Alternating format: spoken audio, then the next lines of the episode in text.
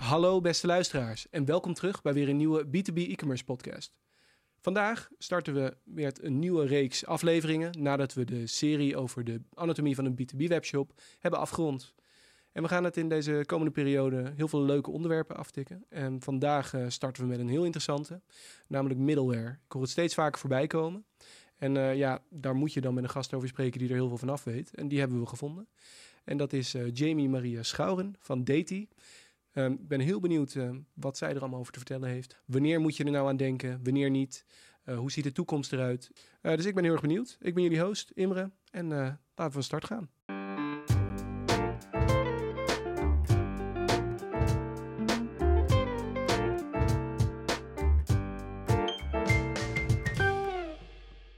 Zo, welkom Jamie. Hallo, leuk dat ik er ben. Ja, heel leuk. Ja, heel leuk, zeker. Ik ben uh, ook heel benieuwd uh, naar wat je ons allemaal uh, kan gaan vertellen. En dank voor je, ja, voor je komst. Geen probleem. Het kan tegenwoordig ook weer wat makkelijker, hè? Dus, ja, super.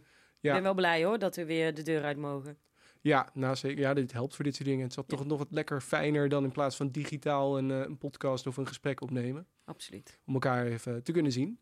Um, maar om gelijk even voor de luisteraars af te trappen en te weten wie je bent, wat je doet. Um, wat doen jullie bij Dati precies allemaal? Uh, nou, wie ik ben? Ik ben dus uh, Jamie Maria Schouwen. Maar Jamie is helemaal perfect, uh, kun je maar gewoon noemen.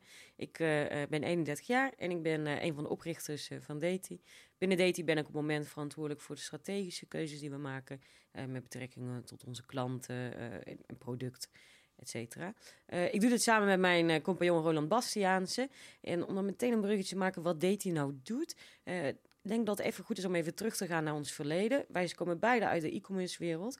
Uh, en mijn uh, compagnon Roland is een van de oprichters geweest van DocData. DocData is een heel groot bedrijf dat achter bol.com, Zalando, mm. et cetera zit.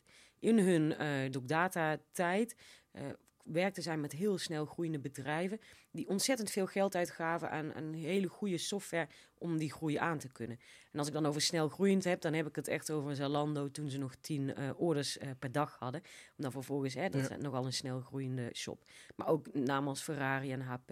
Nou, vanuit daar gaan kijken van, goh, wat, wat doen die nu? En die gaven miljoenen uit. En dan bedoel ik echt gewoon een paar, tien miljoen of zo uit. En een paar jaar waren ze mee bezig om nou een heel systeem te ontwikkelen. Waar ze dan hè, flexibiliteit mee konden creëren om zo hun groei ook hè, te kunnen waarborgen. Nou, ze hebben dat daar gezien en gedacht, goh, kunnen we dat niet anders doen? Kunnen we nou niet dat monster dat ze bouwen, kunnen we dat niet gewoon ja. versimpelen? Kunnen we dat niet op een andere manier doen? Nou, ongeveer rond die tijd uh, begon ik uh, zelf bij een heel snel groeiende webshop in Nederland. Nou, wij begonnen met een paar mensen en uiteindelijk werden dat er heel erg veel leuke omzetten, leuke groei doorgemaakt. Maar ook daar liepen op een gegeven moment tegen limieten aan van, goh, wat, wat kunnen we nou doen? Hè? waarom gaat onze software niet mee en waarom is dat niet flexibel? En hè, de developer tijd werd steeds langer om nieuwe implementaties te doen, maar ook hè, we kregen problemen met schaalbaarheid en dat soort dingen. Ja. Nou, vanuit daar ook natuurlijk een idee bedacht van, goh, kunnen we dat niet anders doen? En waar ik heel erg uh, focus op de frontend, fo focuste Roland en zijn team heel erg op back-end processes en op, op processen die in de business te maken heeft, zoals orders en stok en dat soort dingen. Nou, uiteindelijk uh, hebben wij beide stoute schoenen aangetrokken en zijn wij gewoon onze eigen gang gegaan, onze eigen weg gegaan. En we kwamen elkaar tegen in Eindhoven, waar Roland vertelde over dit verhaal. Nou, mijn compagnon Roland, super, super slimme man, die dat, die dat soms eh, die dat met heel veel passie kan vertellen, maar ook ja. een beetje op een professor manier, een beetje een technische manier. Dat zegt hij ook altijd zelf, ik ben een beetje een professor. En ik hoorde dat verhaal en ik dacht, volgens mij is dat wat wij doen aan de frontend. Dus ik ging naar hem toe. Ik, was, ik ben nog steeds jong, maar ik was nog veel jonger toen. Mhm. En hij was, hij was natuurlijk een hele grote ondernemer. En ik ging naar hem toe en ik zei... Goh, Roland, uh, uh, leuk je verhaal, maar wat doen jullie dan aan de frontend? Volgens mij doen wij dat. En nou, toen kwamen we eigenlijk achter dat hij in de backend zat en ik aan de frontend zat.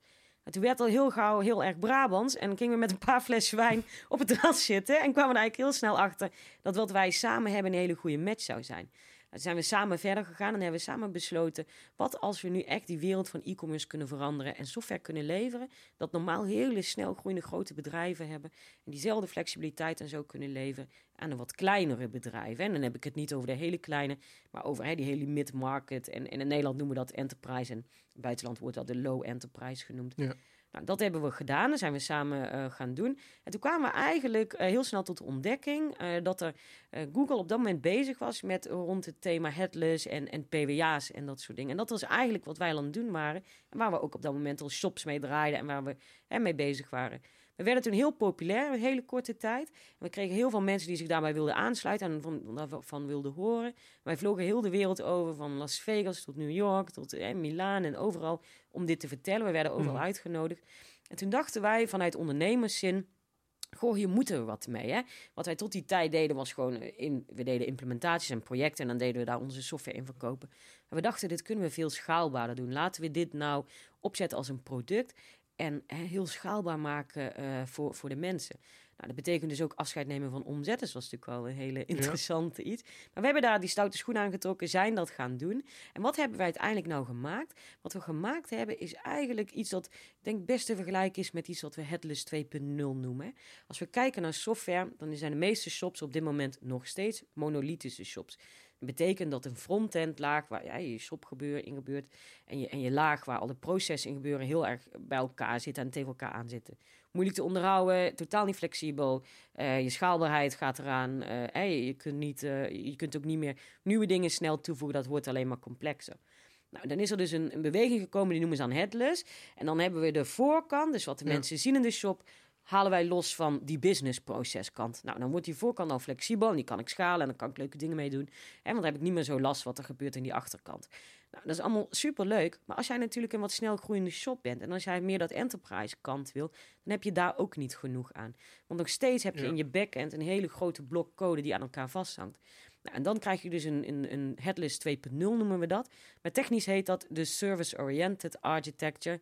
Het kort is een SOA, dat in Nederland weer minder handig is natuurlijk. iets minder goed hier, ja. Ja, en wat doet die SOA nu? Die brengt eigenlijk die voordelen wat Headless heeft op de frontend ook naar de backend. En we splitten die backend ook op. Niet in microservices, maar in business services. Dus niet elke regelcode is een eigen microservice, maar elk, elk stuk is een business service. Dus we hebben eh, orders, we hebben stock management, we hebben eh, payments, we hebben search, et cetera. Nou, dat koppelt allemaal via een middleware, via een soort van tussenlaag. En dat gaat dan weer naar frontends toe. Maar het kan ook communiceren tussen verschillende backends. Nou, wat dat dan eigenlijk is, ik, wil, ik wilde ook wel eens vergelijken eh, met bijvoorbeeld een mixpaneel van een DJ. Hè? Een DJ heeft verschillende muziekteuntjes en lijntjes en instrumentjes. En die doen allemaal een eigen ding. Maar de DJ is degene die dat allemaal samenbrengt. En waarmee brengt hij dat samen? Met de mixpaneel, hè? met zo'n Pioneer ding Ja. brengt hij dat samen. Nou, dat is precies eigenlijk wat wij doen. Al die spelers in de markt, hè, best of breed kan iedereen kiezen. Wat is nou de juiste search voor mij? Wat is de juiste platform voor mij? Wat is het juiste eh, payment method voor mij? Die kan ik allemaal kiezen. Ik hoef er niet meer rekening te houden of dat bij elkaar past. Eh, want dat doet het middleware. Ik koppel die gewoon allemaal aan het middleware, aan mijn Ja. mixpaneel. En daarmee kan ik besluiten, hey, waar gaat welke data naartoe? En naar welke frontend en wanneer, et cetera. Nou, en dat is het nieuwe middleware eh, wat wij dus doen bij DT. Wij leveren dat nieuwe middleware met uiteraard een supersnelle PWA frontend. Want dat hè, zijn we gewoon goed in. Eh, maar goed, we ons belangrijkste stuk is echt wel dat middleware. En dat is heel erg nieuw. Dat zie je eigenlijk nog helemaal nergens op dit moment. Oké, top. Nou, helder verhaal. Mooi verhaal ook. Want dat, valt het helemaal samen. En dat, eh, ja, het, eh, het waarborgt ook waarom je hier natuurlijk bent om hier vandaag over te spreken. Want je hebt die hele de journey meegemaakt om naar naartoe te gaan en alle kanten Ja. gezien. En je noemde net het stukje hè, middleware, dat waar jullie eh, voornamelijk eh, ja, jullie kracht in zit. Ja. En je noemt het zelf als een soort van DJ. Ik moet aan een andere vergelijking denken. Ik, ik denk gelijk aan een spelverdeler. Een soort van voetballer die in het midden staat en die eigenlijk de ballen ontvangt van achterin en ze naar de voorkant brengt. Dat ja, dat is, dat is aan één kant, dat, zo kun je het wel zien. Maar ik denk dat nog heel belangrijk is dat er ook data tussen de backends wordt uitgewisseld. En we kunnen die data ook transformeren en, en anders maken. Hè. Dus als jij data binnenkomt in centimeters, kunnen we daar meters van maken. Dat is een simpel voorbeeld dan. Maar Ja. we kunnen die data echt in, in formatten omzetten. En ik denk dat dat eh, wel een belangrijk is om, om te benoemen. Eh, en ook kunnen wij data sturen tussen verschillende backends. Hè. Dan moet je bijvoorbeeld denken aan een, als jij een BigCommerce gebruikt, die als payment methods vrij beperkt hebben. Die hebben niet Ja. zo heel veel payment methods. Nou, daardoor zijn ze ook wat trager op de Nederlandse markt gekomen, omdat ze nu pas eh Molly natuurlijk doen. Maar ja, goed, je hebt natuurlijk in heel Europa en in de APEC region heb zoveel verschillende payment methods. Die kunnen eigenlijk BigCommerce niet gebruiken, want ze kunnen die payment method niet aanleveren.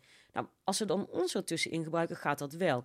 Want wij koppelen rechtstreeks met die payment method en we koppelen rechtstreeks met BigCommerce en we zorgen dat die backends ook hun data krijgen. Dus wij kunnen vanuit BigCommerce ook vertellen hè, via het middleware, nou, payment method, eh, dit moet worden afgerekend. En die payment method kan vertellen, nou, het is afgerekend Ja. en die gaat terug. Dus het is niet alleen van back naar front, het is ook tussen back en back. Oké, Ah, oké, ja, helder. Dus dan is, ja, wat ik nu gelijk aan moet denken met payment methods, waar we het al eerder in deze podcast keer over hebben gehad, is dat in Europa kan je vaak wel een oplossing kiezen die nou, laten we zeggen, Molly, die heeft vaak wel de oplossing voor heel Europa. Maar wanneer je naar Amerika wil, wordt het soms wat lastiger. Dus Ja. daar zou dit ook voor kunnen werken dan. eh, Eh, nou, Amerika is dat eigenlijk wel wat makkelijker, want Amerika is gewoon PayPal en een paar creditcards. Ja. Dan ben je er al. Dan heb eigenlijk heel Amerika Ja. al te pakken. Maar kijk bijvoorbeeld naar de APEC region, hè, dus eh, ja, Asian Pacific.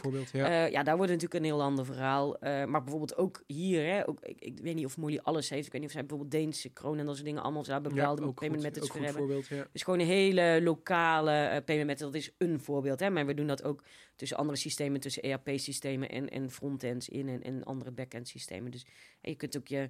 We, hebben ook bijvoorbeeld klanten, en dat is wel een belangrijke, denk ik. Eh, we hebben klanten die in de enterprise-sfeer zitten. En die, hè, die willen eh, dat enterprise-stuk hebben. Zij willen hun eigen dingen kunnen gebruiken. Ze hebben hun eigen microservices op basis van stok- en order management. En zij willen die data en die integratie absoluut niet koppelen met een systeem zoals BigCommerce. Wat we wel willen, is wel de ease and speed hè, van een SaaS-systeem. Ja. En wat wij ze leveren, en dat noem ik ook wel eens enterprise enablement, but with the ease and speed of SaaS. Dus wij geven zij die vrijheid om wel te kunnen koppelen met hun eigen microservices en hun eigen systemen te gebruiken. Dat doen ze met ons middleware. Ja. Maar we geven ze ook de ease and speed van het SaaS-systeem door dus die andere eh, systemen te kiezen. Zij kunnen dus- wel BigCommerce kiezen. Dus een grote, eh, hele grote speler, supersnel groeiende in eh, de APEC region. Ik mag hem nog niet noemen. Hij gaat in december, als het goed is, live. Dat kunnen we wel noemen. Maar dat is een van de snelst groeiende op het moment. Heel, heel cool. Ben ik heel trots op dit project. En die, eh, die kunnen dus nu wel gewoon voor een, het best of breed in de markt kiezen. Wat willen we graag? En kunnen dat invullen met hun eigen eh, microservices. Nou, en dat, dat, is, ja, dat is best wel heel uniek eh, dat ze zo die flexibiliteit hebben om een systeem te bouwen. Ja, nou top. Nou, mooi voorbeeld inderdaad. Want ik wou inderdaad, mijn vraag was waarom, waarom heb je het eigenlijk nodig? Wat is Ja. een middleware precies? Dus inderdaad, als ik hem even kort samenvat. Daar kan je zeg maar een laag ertussenin zetten. Een slimme laag die Ja. hem eigenlijk kan vertalen. Waardoor je verschillende dingen aan de achterkant, je noemt het de Ja. business services, kan gaan koppelen die misschien inderdaad bijvoorbeeld een BigCommerce of een Adobe Commerce, waar je misschien nog niet direct een integratie voor is, kan je daardoor wel met elkaar laten samenwerken. Absoluut. Dus, hè, en, niet alleen vanuit de, dus dat is vanuit de backend gezien. En aan de frontend kun je dan ook verschillende frontend kanalen gebruiken. Dus echt omnichannel, maar ook bijvoorbeeld multi-store. hè. dus we kunnen meerdere frontends, het kunnen verschillende shops zijn. Of en B2B, B2C, wat je dan ook wil. Ja, Verschillende landen, currencies. Nou, wij noemen dat de multi-X-markt. hè. Verschillende currencies, verschillende talen, et cetera. Nou, als je dan bijvoorbeeld kijkt naar BigCommerce, die kan geen multi-X vanuit zichzelf aan. Hè. Die kunnen geen multistore opzetten. Ja. Nou, dan moet je dus, zelfs je zou acht shops willen doen, dan moet je dus acht BigCommerce naast elkaar zetten. Als je ons ertussen zet, kan dat dus wel. Kun je dus vanuit één BigCommerce wel die acht eh, stores doen. Hè? Dus niet alleen die flexibiliteit aan de achterkant, maar ook eh, aan de voorkant kunnen we dat doen. En dan sluit je bijvoorbeeld de slimme business services aan die nodig zijn. Om bijvoorbeeld voor de B2B heb je dan bijvoorbeeld iets specifieks nodig. Die sluit je dan daar Ja. aan. En dan hoef je niet te kijken naar wat heeft eh, BigCommerce of Magento in zijn gamma zitten. Daar hoef ik niet naar te kijken. Hoef ik ook niet over na te denken. Moet ik daar integreren? Dat wordt rechtstreeks gekoppeld met ons middleware. Oké, top. Ja, ik, ik had nog een vraagje staan, maar die wil ik alsnog wel graag vragen. Ja. Ik, ik heb nu al denk ik een beetje een antwoord. Maar ehm, je hebt bijvoorbeeld ook heel veel grote pakketten. Hè? Denk bijvoorbeeld aan een eh, SAP, een SAP. En die hebben eigenlijk bijna, tenminste dat presenteren ze dan, bijna alles al beschikbaar binnen hun portfolio. Ja. Ehm, hoe zie jij dat dan? Is dat iets wat nog steeds toekomst heeft? Ehm, Nee, ik zie, dat, ik zie dat niet zo. Ik denk dat de toekomst is open. Hè. De mensen willen niet meer, eh, willen sowieso geen lock-ins. Hè. Dus, en vooral Mhm. zulke grote partijen, zoals ik net noemde, die, die, eh, die enterprise partij, die willen die lock-ins niet. Eh, ze willen wel die snelheid hebben. Ze willen wel dat, eh, dat, dat, eh, dat makkelijke van een bestaanssysteem gebruiken. Maar ze willen absoluut niet eh, die lock-ins met alles dat alles heeft. En ik heb nog nooit een pakket tegengekomen die alles exact heeft wat Ja. iemand nodig heeft. En ik weet niet, de, de luisteraars waarschijnlijk ook niet. Iedereen die in e-commerce zit, weet dat je altijd wel een uitzondering moet. En er moet altijd Ja. nog wel iets gemaakt worden. En dat zul je toch nooit krijgen. En, en daarbij natuurlijk de kosten ook. Hè. Laten we daar ook wel eerlijk over zijn. Ja. Je natuurlijk een SAP of Salesforce, hè, dan, en dan trek je portemonnee maar. Terwijl we natuurlijk eh, op deze manier, als we de best of breed kiezen, kunnen we dus wel hè, hele slimme, maar ook nieuwe dingen. Hè. Als, je, als er iets nieuws op de markt komt, kun je meteen gebruiken. Je kunt daar meteen mee aan de slag gaan. Hè. Die, die kunnen heel snel gaan. Mongolia groeide van niks tot heel veel in een hele korte tijd. Ja, die kun je meteen gaan gebruiken. ja, je kan ook makkelijker switchen, denk ik. Hè? Je kunt heel zit- makkelijk switchen. Hè. ja. We hebben klanten gehad die, eh, eh, op, die bijvoorbeeld Elasticsearch hadden. En daar, eh, en daar toch niet tevreden over. Dat ging niet helemaal soepel. Maar er kwam iets heel belangrijks, een soort achtige Black Friday aan. Dus ze moesten snel toch wel een heel goed werkende search hebben. En heel die website was eigenlijk gebaseerd op search. Die ging echt van een soort van search platform. En toen zeiden we, nou weet je wat, dan doen we Algolia. En zeiden ja, nou, hoezo? Dat is een search platform. We moeten heel die shop uit elkaar draaien. Ja. Maar dat hoefde dus niet. We hoefden niks te veranderen aan de frontend of aan de middleware. We hoefden alleen maar te zeggen, haal nu die data op bij Algolia. Binnen een paar uur was je goed die switch gewoon gemaakt. Ja, je zegt dan bijvoorbeeld gewoon van, nou, we hebben nu dit gebruikt voor de zoekfunctie. Ja. We gaan nu het vervangen door Inderdaad, dus die data komt nu hier vandaan. En dan moeten we alleen even vertellen tegen het middleware... oké, die data ziet er zo uit en hè, dit verwacht ik aan de frontend. Maar dat weet ik al, want dat heb ik al klaarstaan... wat ik aan de frontend verwacht. Dus ik hoef Ja. alleen maar te zeggen, dit is je input. En, en nu eh, kunnen we dat dan mappen en kunnen we zeggen... nou, dan moet die input eh, deze output geven. En dan, eh, dan zijn we er. Nou, dat klinkt helemaal top. Dus heel flexibel ben je daardoor meer in. Ja. En maar, ehm, maar, maar het enige wat ik me dan wel kan voorstellen, het voordeel natuurlijk van een SAP is natuurlijk wel dat je bijna nergens over na hoeft te denken. Je zegt gewoon, ja, doe maar en het werkt wel samen. Dus je moet misschien Ah, hier nee, wel ik- iets vaker heb jij ooit een SAP-project gedaan, maar je zei, Nee. doe maar en het werkt wel nee, samen? Nee, Oh. natuurlijk niet. Nee, je zet intern na, tenminste de grote, de, de partijen die echt met een SAP werken, Ja. die hebben natuurlijk waarschijnlijk wel drie, vier product owners intern erop zitten. Ja, maar ook daar, weet je, daar zit natuurlijk ook een lead time in. Hè? Er zit natuurlijk Ja. een tijd in, daar zit het de total cost of ownership natuurlijk in. Daar zit ook een testperiode, dat gaat ook niet zo, dat gaat niet zo Ja. snel. Hè? Eh, ja, dat zou, dat zou natuurlijk wel fantastisch zijn als dat zo zou werken, maar dat werkt het, niet- zo werkt dat natuurlijk Nee, niet. oké. Het klinkt Eh, misschien makkelijker dan het is. klinkt heel Ja. makkelijk, maar ja, eh, kijk, als jij, nou goed, hè, laten we eerlijk zijn, een, een partij bijvoorbeeld als, als Zalando, die heeft zo'n systeem zelf gebouwd. Daar hebben, wat wij benoemen, wat wij dus bieden, dat hebben zij. Ze hebben dat zelf zo gebouwd. Dat is hun eigen systeem. En dan gebruiken ze ook geen BigCommerce of een Goliath Search, maar hun eigen engines daarvoor. Nou, zo'n partij zal nooit voor iets kiezen wat wij natuurlijk doen, want ja, zij willen dan natuurlijk gewoon, ze hebben dat zelf. Maar dan heb ik het ook over de hele grote partij. Alles daaronder is dit gewoon een hele goede oplossing voor. En daarbij, we kunnen ook SAP koppelen. Je kunt ook zeggen, goh, ik wil van SAP een bepaald gedeelte hebben wat ik graag gebruik. Eh, dat kan. Dat kan gewoon gekoppeld worden. Dat is geen Ja, probleem. Of uitfaseren Of natuurlijk. dat kan natuurlijk uitfaseren. Ja, ook. dat kan zeker. Ja. Ja. Want eh, ja, en wat, waar, maar zijn er dan specifiek nog zaken van, eh jij noemde een paar, hè, search, Mm. dingen omheen. Waar moet ik aan denken als ik nu, ik heb nu een, eh, een shop bijvoorbeeld hè, als luisteraar. En ik maak al gebruik, ik heb bijvoorbeeld een Magento-omgeving. En ik heb al het een en ander gekoppeld, maar ik wil, vind het wel interessant. Hoe, hoe zou zo'n proces er dan uitzien? Nou, wat we in eerste instantie gaan doen is natuurlijk inventariseren. Wat, wat heb je nu? Hè? Wil je naar iets Ja. nieuws? Wat, wat, wat heb je nu? Wat, wat heb je en wat wil je? Hè, daar gaan we naar kijken. En we gaan niet alleen, vooral ook nadenken over niet alleen de shop bouwen die je vandaag nodig hebt, maar ook over nadenken wat wil je in de toekomst? Hè? Waar moeten we aan denken? Eh, dat hoeft niet meteen gebouwd te worden, maar we zorgen ervoor dat die flexibiliteit er altijd zit om daar naar de toekomst te kunnen gaan.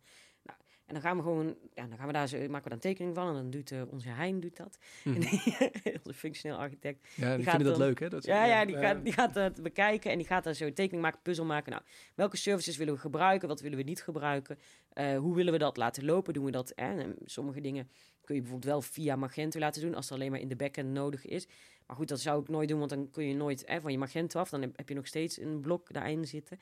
En dan, ga je, dan maken we die puzzel. En dan gaan we kijken naar welke integraties zijn er al. Welke integraties zijn er nog niet in ons middleware, want we hebben ook niet heel de e-commerce wereld gekoppeld. Nou, wat wij dan ook doen, eh, wij werken in principe altijd samen met een agency. Hè. Dus wij doen zelf die integraties niet. Wij doen, of in ieder geval de shop-specifieke integraties niet. Wij doen wel de integraties die eh, natuurlijk interessant zijn voor ons pakket. Hè. Dus payment methods en search methodes en weet ik, allemaal dat soort dingen. Dat doen wij natuurlijk wel eh, integreren. En dan gaan we vervolgens kijken, nou, hoe gaan we dat dan bouwen en hoe gaan we dat vormgeven. En dan kan de klant zich eigenlijk gewoon bezighouden met welke services wil ik gebruiken, wat lijkt me leuk, wat lijkt me interessant om te gebruiken, Ja. hoe wil ik dat gebruiken en vooral hoe gaat dat eruit zien op de frontend. Dus die klant kan zich echt, in plaats van dat hij zich bezighoudt met die bugs in de backend of er hè, links iets omvalt als ik rechts klik, kan die klant zich gewoon echt gaan bezighouden met waar hij goed in is. Hè? De experience van hoe verkoop ik nou mijn product aan mijn klanten. Ja. En dat is natuurlijk eigenlijk het allerbelangrijkste waar die klant zich mee bezig moet houden. Ja, en je kan continu een beetje lopen tweaken met kleine voor- en Ja, je kunt eh, een beetje tweaken inderdaad. En dan, ja, dan zorgen wij ervoor dat het systeem blijft draaien. En ehm, zijn er dan, want ik, ja, ik, ik, hoor, ik zie heel veel voordelen, maar zijn er ook nadelen waar ik aan zou moeten kunnen denken? Bijvoorbeeld in, van een middleware wat misschien voor sommige partijen nog niet helemaal past? Nou, ik zou sowieso... eh, kijk, elke partij die multi-X of groeiambities heeft... Of, of in de groei zit... Mhm. is dit gewoon een heel passend eh, voorbeeld van. Ehm, als, jij een, als jij een shop hebt... Die, ja, als, als jij die ambitie niet hebt en je verkoopt op je zolder... en dan niet eh, oneerbiedig bedoeld... maar je bent gewoon, hè, gewoon met, je, met je aantallen prima... Hè, dan, dan is het gewoon prima om een Shopify te draaien. Daar, hè, daar is niks mis mee. Mhm. Het is gewoon een fijn systeem eh, voor een bepaalde type eh, webshop. Wij zitten natuurlijk echt tegen die, eh, tegen die enterprise kant aan, die mid-market en enterprise. En dan wil ik zeggen, in Amerika is een mid-market al gewoon 100 miljoen shop. Hè? Dat, Ja, hè, dat is natuurlijk wel Ja. anders dan dat wij dat benoemen, eh, mid-market. Maar goed, dus echt de snelgroeiende shops en diegene die... Maar hier heb je natuurlijk vaker een multi-X-shop, die heb je niet zozeer in, eh, in natuurlijk in Amerika. Dan heb je kun je heel groot worden met één taal. En dat kun je dan in Europa natuurlijk veel minder. Ja. Ehm, Ja, wanneer, ik, ik kan niet precies zeggen, dit is vanaf zoveel uh, is het interessant. Hè? En waarom niet? Ik heb bijvoorbeeld op dit moment hebben wij een, eh, een merchant en die had uh, in 2019 begon die zijn shop en hadden die superleuk in één jaar meteen al 10 miljoen omzet. En het jaar daarna, in 2020, ik denk mede gedreven door de COVID, zit die gewoon op 120 miljoen. Hè? Dus dat is zo snel groeiend. Als ik dan had gezegd, ja, dan was je te klein voor je. Dat, dat is eigenlijk niet. Het gaat meer over wat zijn je ambities, wat denk je, hè, waar wil je naartoe en wat wil je allemaal met elkaar gaan doen. En uh, ja, zo, uh, zo kunnen wij, uh, zo kunnen, ja, voor die is het geschikt. Oké, okay, helder. Ja, nou, als ik het op die manier hoor, dan is, dan, dan is deze vraag misschien bijna overbodig. Maar mm. hoe zien jullie de toekomst, zeg maar, meer van webshops? En vooral op technisch gebied. Denk je dat dit ja, de way to go is. Ja, dat, absoluut. Dat uh, dit is voor mij absoluut de way to go. Ik denk ook dat het headless stuk dat zich nu heel veel afspeelt, dat is, hè, dat is het begin hiervan. Uh, en je ziet het, we zijn begonnen met een stukje headless. Nu hoor je steeds meer de term composable commerce. Hè. En wat is dat dan? Dan, dan zegt zo'n, in Algolia, als we daar nog even op mhm. houden, als search, die zegt, hey, ik ben een search en ik heb hier mijn API's en ik heb hier mijn GraphQL en wat, wat nat, hè. Ik heb van alles hier. En dan kun je mee koppelen. Dus ik ben composable commerce nu. En wat bedoelen zij daarmee? Ik ben een onderdeel van die commerce puzzel. Hè. Jij kunt mijn stukje gebruiken. Maar je kunt mijn stukje gebruiken voor search en navigation. En uh, ze hebben dat soort dingen allemaal. En, uh, en, dat, en BigCommerce doet dat ook. Die zeggen, hey, we zijn headless en we zijn ook een onderdeel van Composable Commerce. En ik denk dat dat heel, uh, helemaal gaat ontstaan nu in de toekomst. Alle spelers richten zich op iets waar ze goed in zijn. En niet meer op, we gaan alles doen. Natuurlijk zullen die daar blijven. En Salesforce blijft altijd een Salesforce. Maar ja. hè, die, al die andere, die nieuwe producten op de markt komen, die nieuwe services op de markt komen, zien zichzelf meer als een onderdeel van die puzzel. Wat echter ontbreekt allemaal, bij deze allemaal, is een manier om die puzzel bij elkaar te leggen. Wat is nou dat, hè, dat middenstuk? Wat is nou die, die mixpaneel, dat Pioneer? En dat is, dat is de plek die wij invullen. En daar zie ik ook een enorme toekomst, niet alleen voor ons, maar voor de hele wereld van uh, commerce. En je hoeft niet meer te kiezen één pakket en dan zit ik dan vast voor de rest van mijn leven. Hè, tot de Carrie-platform en heel veel geld ga uitgeven. Nee, ik kies gewoon mijn services, ik kies wat ik wil, ik kies mijn puzzelstukjes. En als ik er een beu ben, haal ik die eruit en dan hoef ik niet heel de shop opnieuw te bouwen. En zo uh, zie ik de toekomst uh, van commerce. Headless is daar een eerste stap in eigenlijk een soort tussenstap, zodat we beginnen te leren dat dingen los kunnen staan. Hè. De frontend is al los van mijn systeem. Ik kies een BigCommerce, hè, een Magento en ik doe dat headless en ik, ik zet er een andere frontend op. Maar uh, verder gaat veel verder en die, die stap gaat nu komen. Oké. Ja, het enige waar, dan wel, waar ik wel benieuwd naar ben, want dat zie ik misschien zelf als een potentieel nadeel. Hè, want je werkt dan waarschijnlijk met verschillende services die allemaal in hun kracht zitten. Ja.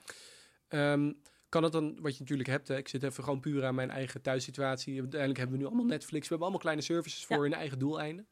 Als uh, van de een op de andere dag een van die services bepaalt dat ze drie keer zo duur worden, ja.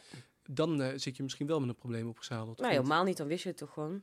Dan ga je toch, zeg maar, als, als, zeg maar, als jij die service fantastisch vindt, dan kun je hem gewoon blijven gebruiken natuurlijk. En dan moet je gaan onderhandelen met het contract dat je had afgesloten. Zeg maar, ja. met je accountmanager daar. Maar ja, je kunt, ik denk dat je eerder een probleem zit als je één systeem hebt. En dat systeem zegt, ik word nou drie keer duurder, dan kun je geen kant op. Dan, ja, moet dan zit je helemaal vast. Dan zit je helemaal vast. Hè? Maar als jij, eh, als jij zegt, nou goed, ik, eh, ja, dan kies ik wel wat anders. Dan stap ik wel over zeg maar, van, eh, van, van die search naar een andere search die dat niet doet. En dan ben ik wel benieuwd van hoe zie jij dan dat stukje van, uh, van alles gaat zitten in zijn kracht. Hè? Mhm. Hoe zie je dat ongeveer voor je? Hebben we dan uiteindelijk, als we het hebben over, laten we zeggen, een gemiddelde B2B webshop uit Nederland, hebben we dan te maken met uh, alsnog een, een, ja, een verkoopplatform, zeg maar, als een uh, Adobe Magento, een, uh, een Shopware, een Shopify, ja, die er nog hangt? Zeker. Kijk, die worden op dit moment veel in, zie ik gebruikt worden als e-commerce engine. Hè? Dus ja. mensen gebruiken dat bijvoorbeeld, uh, veel mensen doen ook een product management daar nog in of een order management of zo. Ik zie op dit moment nog niet heel veel losstaande order managers die veel in de markt gebruikt worden. Hè? Dus veel ja. gebruiken daar nog deze, deze systemen voor, maar dan echt de e-commerce engine, hè? dus de orders, de stok en de producten. En de blogs doen we ergens anders, de search doen we ergens anders, de payments doen we ergens anders. En die, uh, maar die, die stukken zien we wel als, als order management staan. En ik denk dat daar nog een hele, heel veel ruimte zit om daar een fatsoenlijke uh, shop of e-commerce engine of zo. Hè. BigCommerce noemt zichzelf ook wel zo als e-commerce engine. Ja. Hè, wij zijn de engine van je commerce. En ik denk dat daar heel veel, uh, heel veel te halen valt, nog zeker weten. Ja, nee, daar kan ik me heel goed te vinden hoor. Want dat is ook iets wat wij wel vaker benoemen. Inderdaad, vooral als je echt groter wordt, dan... Ja er is een, dan moet je waarschijnlijk gaan werken met een productinformatiesysteem. Ja, dat, ja. Bijna altijd extern. Dus dat is inderdaad, dat bouwt hier al op voort. En dat moet dan weer gekoppeld worden. En nu doe je dat. Tenminste, nu doen wij dat dan vaak in ieder geval met een, een koppeling aan Magento. Ja. Maar dan zei dat uiteindelijk zie ik het dan voor me. Dan heb je bijvoorbeeld een, je nou, je dus nog Magento staan. Je hebt je PIM staan. En die gaan naar de middleware en Klopt. die communiceren dan Die communiceren via die manier met elkaar. Ja, dus Ja. je hoeft daar niet rekening te houden van. En, en dat is, maakt het ook makkelijker voor, voor, voor spelers zoals jullie.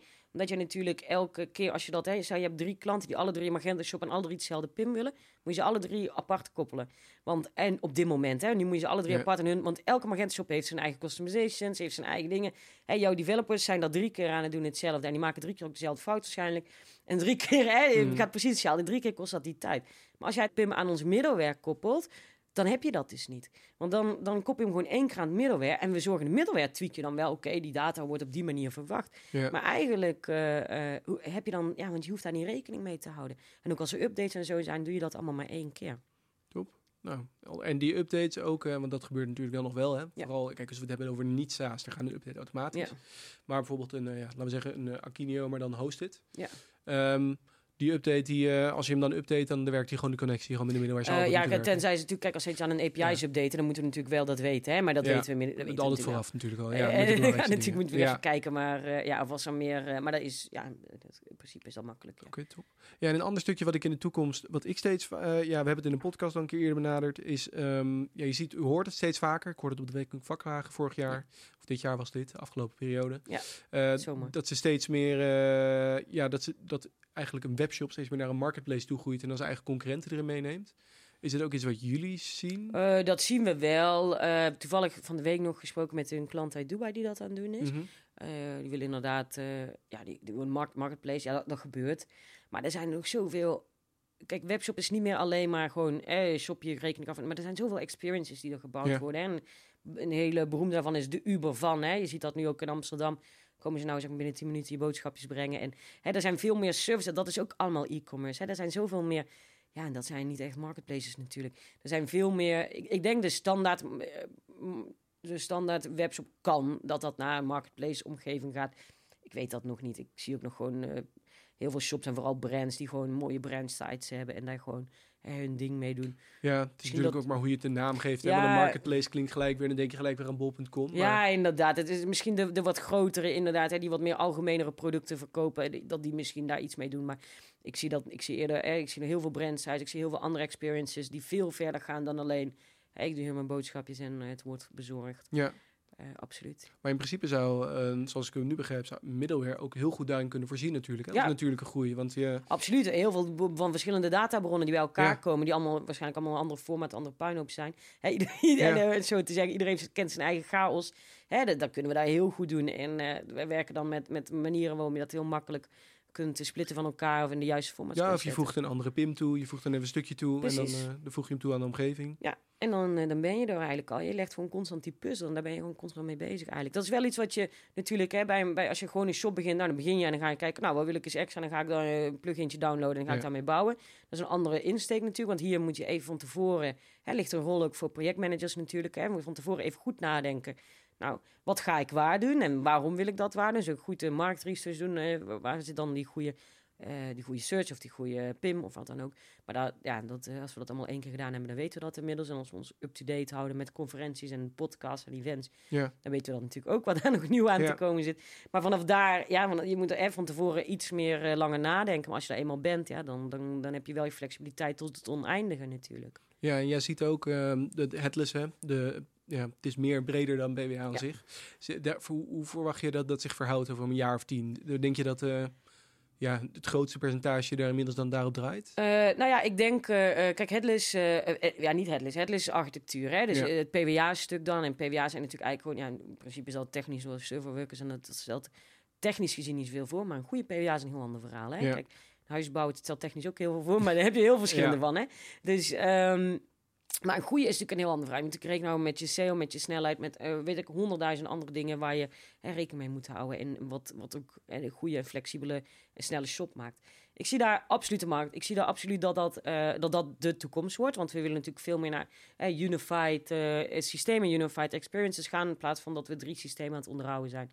Tot nu toe ging dat nog niet zo heel snel. En waarom? Omdat heel veel mensen ja, toch willen tegenhouden. Want ja, want eh, iOS, hè, dat is een veel gehoord ding. Ja. iOS, iOS. eh, ik heb nog best wel veel, toch wel uit mijn native app allemaal dingen. En ik kan nog niet alles met iOS doen.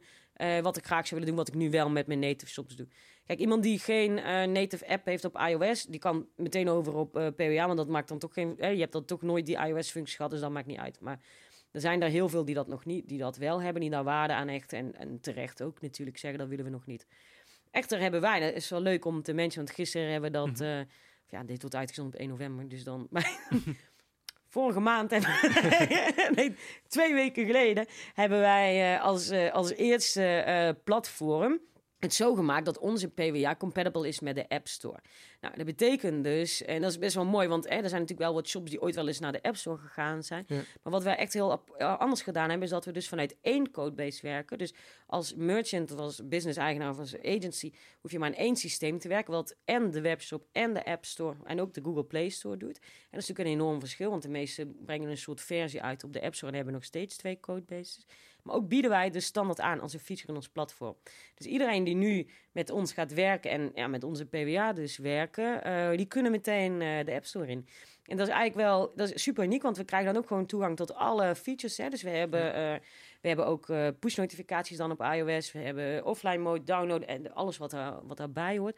En zo hebben we eigenlijk zeg maar wel dat gat gedicht. dat iOS niet PWA is en PWA niet iOS is. Nou, dat gat hebben we nu gedicht, dus we kunnen dat nu wel samenbrengen. In december gaat er ook iemand mee live. In november of december gaat er iemand mee live. Uh, dus dat wordt een gigantische shop uh, die dat gaan doen. Dus dat, is natuurlijk ook wel spannend. Ja. dat de eerste echte live shop dat gaat doen. Maar dat, dat gaat echt wel een verschil maken. En ik denk als we dit soort stappen doen. en, en dit soort innovatie. En ik hoop ook dat wij, dat wij dat. Wij doen dat elke keer. Maar ik hoop ook dat ik anderen kan inspireren om toch die grenzen te blijven opzoeken. En ja, die e-commerce wereld uitmelken is één ding. Hè, maar het is zoveel leuker om die innovatie te doen. En, en, en zoveel, hè, zoveel nieuwe experiences te brengen ja, dat ik het eigenlijk wel mooi vind. Uh, dat wij nu super trots op het team dat we dit voor elkaar gekregen hebben. Uh, maar nog meer uh, hoop ik ja, dat die toekomst van e-commerce is iets dat we samen doen. Het is niet meer ik ben de grootste. Het is echt ik ben een onderdeel van de keten. En, en daarin zorg ik dat, ik een, dat ik een plek krijg. Ja, het klinkt eigenlijk een beetje als een native-non-native combinatie. Hè? Want het is, native-non-native, ja. ja. ja, klopt. Ja, ik als laatste vraag nog even als afsluiter. Uh, is, uh, ja, je hebt net al even kort benoemd, maar we hebben nu misschien een luisteraar die denkt van, nou, interessant. Maar wanneer is dat het? Uh, wanneer is het nou? Je noemde net, het kan eigenlijk op elk punt al. Ja. Maar wanneer ben je nou e echt er klaar voor? Is het wanneer je bijvoorbeeld iets herkent van ik loop hier nu al heel lang tegenaan? Uh, ja, sowieso uh, dat noemen wij, dat is heel leuk. Hè? Wij, wij hebben daar een naam voor. We noemen dat FIRE principle. Hè? Dus als je, als je, als je shop uh, fire nodig heeft, hè? vuur. hè? Mhm. En dan, dan zeggen we, oké, er zijn vier dingen. dat is flexibiliteit. Heeft jij, heb jij, loop jij tegen de rand aan van je flexibiliteit? Kun je niet meer snel dingen veranderen of aanpassen? En zit je de hele tijd een spaghetti te roeren? Dan, dan moet je mhm. ons bellen. Hè? Dat is je, flex, je flexibiliteit. We brengen je ook de I, dat is integratable. We zorgen ervoor dat je kunt integreren mhm. met elke andere service die er is. Wil jij bijvoorbeeld een bepaalde payment method in search of zo, dat, dat kan niet met het platform, hè, dat werkt niet met het platform wat je nu hebt, dan moet je ook ons bellen, want wij zorgen dat dat wel kan. Wij kunnen alles met alles integreren. Dan als derde hebben we uh, Reliable, de R uh, Reliable. Wij zorgen dat je nooit offline gaat. We hebben een uh, systeem gebouwd dat zowel horizontaal als verticaal kan schalen. Maar dat we ook zelfs data kunnen streamen. Mocht het zijn dat je hele hoge datastreams hebt, dan kunnen wij 50k per seconde per thread en we kunnen het helemaal multithreaded opzetten. Dus even om aan te geven, wij kunnen gewoon miljoenen data. We hebben shops met 19 miljoen producten in die gewoon draaien. We hebben shops met die echt, weet ik veel, iets van 50 orders per seconde draaien, die gewoon gaan. Die gewoon nooit offline gaan. En natuurlijk, hè, uh, dan even nuance. Hè. Kijk, als je service offline gaat, stel bijvoorbeeld je PIM gaat offline of je zus gaat offline. Ja, dan wordt dat onderdeel natuurlijk niet geladen. Dat ben ik wel eerlijk in. Uh, maar wij zorgen in ieder geval voor dat er altijd iets te zien is, dat er altijd een experience is. En onze server gaat in ieder geval niet offline. Dus daar kunnen wij, daar ja. garanderen we. Nou, en als laatste hebben we dan extendable. Dat vind ik eigenlijk de mooiste. Uh, je kunt er altijd je shop uitbouwen en nieuwe dingen verzinnen, nieuwe frontends toevoegen, nieuwe backend services toevoegen, zonder het meer complex te maken. Want je complexiteit blijft hetzelfde. Je koppelt met het middleware. Of vanuit het middleware maak je een nieuwe frontend. Dat wordt niet complex. Je spaghetti wordt niet groter. Het worden gewoon wel meer blokjes, maar die staan allemaal naast elkaar. kun je heel makkelijk uh, in je overzicht houden. Dus ja, wanneer uh, Fire, heb je problemen met extensibility, problemen met dingen die je wil integreren, problemen met flexibiliteit of problemen met je reliability, dan uh, bel mij. Moet ik nou ook mijn telefoonnummer zeggen? nou, ik denk dat ze je nog wel kunnen vinden hoor. Ja, je kunt me gewoon vinden online. Nee, helemaal goed. Top. Nou, dat is denk ik een hele mooie samenvoeging ook. Ik zal nog even kort uh, even bij elkaar. We hebben het nu gehad over middleware en voornamelijk ook over jullie producten en wat het dan precies inhoudt. En het, uh, ja, waar het dus vooral op neerkomt, uh, van in ieder geval uit jullie perspectief, is dat het heel belangrijk is om wanneer je steeds meer wil gaan uitbreiden en eigenlijk producten in hun kracht wil gaan zetten, ja. dan moet je gaan kijken hoe kan ik daar eigenlijk een service tussenin hebben die eigenlijk de vertaalslag, en je noemde het als een DJ die het mooi heen en weer speelt, ja. zowel aan de backend kant, dat ding kunnen samenwerken, dat je daar de juiste methode voor hebt, als aan de voorkant, dus ja. uh, met opties als PBA en andere dingen eromheen. Um, ja, en uh, je vat hem net als allerlaatste nog mooi samen. Wanneer is dat een moment om daar echt over na te denken? Nou, volgens het FIRE-principe, zoals je net mooi beschreef. Um, dus ik denk heel interessant. Ik, ben, ik heb er heel veel van opgestoken. Dus ik vond het heel, uh, ben heel dankbaar voor je tijd. En uh, ik denk voor de luisteraars ook. En uh, ja, als jullie nog vragen hebben, dan weten jullie in ieder geval Jamie en Daity te vinden. En anders kunnen we jullie altijd weghelpen. Daity. Zeg ik hem bijna weer verkeerd. bijna. Nou, ik zei hem oprecht verkeerd. Maar dus mijn excuus. Dat geeft niet. maar, uh, er zijn wel meer mensen onze bedrijfsnaam verkeerd, dus dat geeft niet. Maar het is uh, Dati Dati. Ik luister naar alles. Zoals je belt en zegt Diti zelfs, dan neem ik nog steeds de telefoon nou, top. Nou, goed om te weten. Ja. Helemaal goed. Nou, dankjewel in ieder geval voor je tijd. En dan, uh, en dan zijn we over twee weken weer terug met een nieuwe podcast. Super, dankjewel dat kan ook zijn.